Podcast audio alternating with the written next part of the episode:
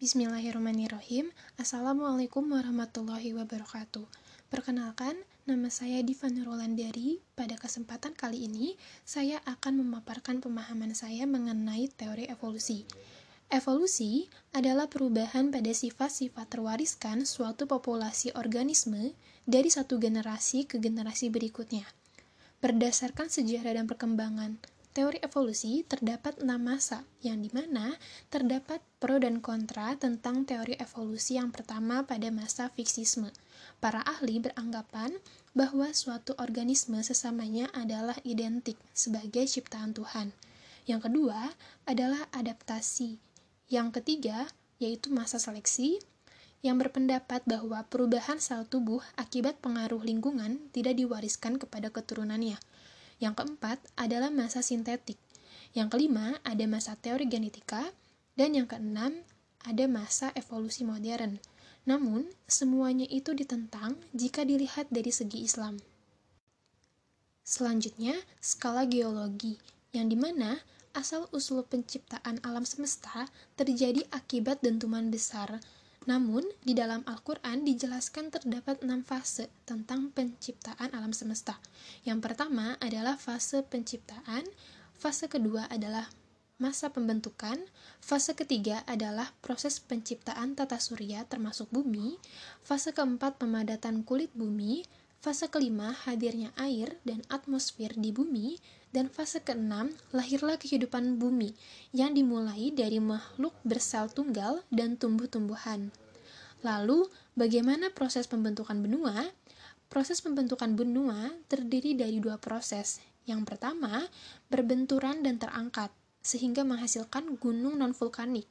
Yang kedua, subduksi atau salah satu terangkat dan yang lain masuk ke dalam perut bumi, sehingga terbentuknya gunung vulkanik atau berapi. Proses selanjutnya adalah pembentukan pangea, yang di mana bumi mengering, mendingin, mengerak, dan memadat setelah terkumpulnya air di atmosfer, hingga terbentuklah pangea, yang kemudian membelah menjadi Gondwana dan Laurasia. Adapun kemunculan Indonesia, terdapat beberapa teori yang dapat dikemukakan. Teori pertama mengatakan bahwa Indonesia muncul dari dasar laut, Teori ini tidak dapat menerangkan keanekaragaman flora dan fauna. Selanjutnya, disambung dengan teori Laurasia dan sebagian dari Gondwana. Teori ini pun masih lemah, belum bisa menjelaskan asal-usul flora dan fauna. Sedangkan teori yang ketiga adalah teori yang paling kuat, yaitu teori yang semuanya berasal dari Gondwana. Teori ini dapat menjelaskan bagaimana flora dan fauna bisa tumbuh di daratan. Adapun makhluk hidup pertama di bumi adalah munculnya protista dan prokariot yang diduga mikroorganisme yang hidup di tempat ekstrim karena pada zaman dahulu bumi memiliki kondisi yang sangat berbeda dengan sekarang. Invertebrata menjadikan nenek moyang adanya vertebrata yang dimulai dengan kemunculan kordata notokard dan kordata yang tidak memiliki notokard. Sedangkan kemunculan manusia didugi, diduga dari nenek moyang yang sama, yaitu kera, menurut teori Darwin.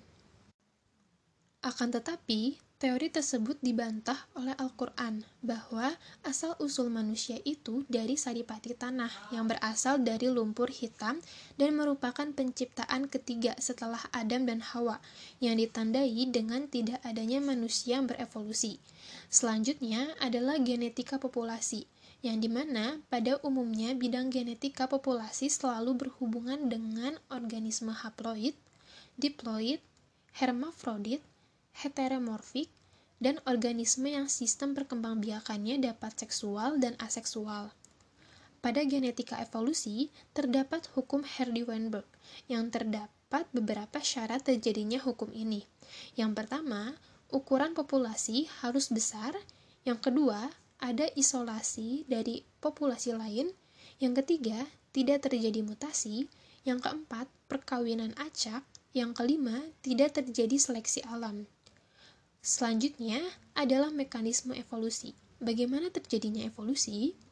Jika kita berpikir secara tipologis, sejumlah orang yang bukan ahli biologi percaya bahwa seluruh bentuk kehidupan diciptakan secara terpisah oleh suatu wujud supranatural dan tidak mengalami perubahan dengan seiringnya waktu. Lalu, mengapa evolusi terjadi? Karena munculnya spesies baru yang bermutasi dari tipe yang telah ada.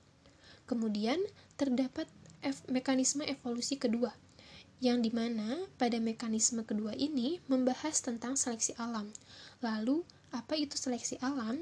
Seleksi alam dalam teori evolusi adalah teori bahwa makhluk hidup yang tidak mampu beradaptasi dengan lingkungannya lama-kelamaan akan punah.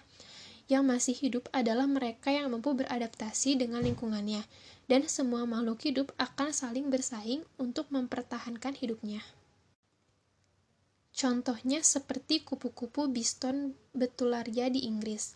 Dalam pembuktiannya, adaptasi dapat dilihat dari dua hal, yaitu adaptasi secara bertahap dan secara konvergensi. Selanjutnya adalah spesies dan spesiasi, yang di mana asal-usul spesies ini berasal dari keanekaragaman yang tinggi apabila banyak anggotanya, kemudian semakin luas daerah penyebarannya, semakin tinggi pula tingkat keanekaragamannya. Dan proses mutasi yang berhasil juga sumber keanekaragamannya. Sedangkan spesiasi terdapat beberapa syarat yang memungkinkan terjadinya spesiasi. Yang pertama, adanya relung kosong dan keanekaragaman kelompok organisme, sedangkan proses spesiasi adalah kejadian yang terlihat yang terus terjadi waktu yang sangat lama berjalan secara gradual, maka kita sendiri tidak dapat melihat proses tersebut.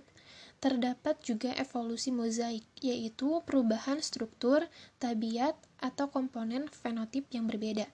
Adapun bukti evolusi bahwanya evolusi bahwasanya evolusi dapat dijadikan bukti evolusi karena merupakan sisa-sisa hewan dan tumbuhan yang telah membatu yang berada pada lapisan bumi Lapisan bumi ini menunjukkan tingkat usia bumi, sehingga dapat dijadikan petunjuk adanya hewan atau tumbuhan pada masa-masa tertentu.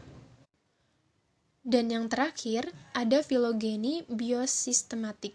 Adalah suatu ilmu yang mempelajari suatu sistem untuk memahami bagaimana dan mengapa terjadi suatu keanekaragaman. Oleh karena itu, biosistematik dapat juga disebut ilmu yang mempelajari keanekaragaman dan hubungan antar organisme atau biodiversitas.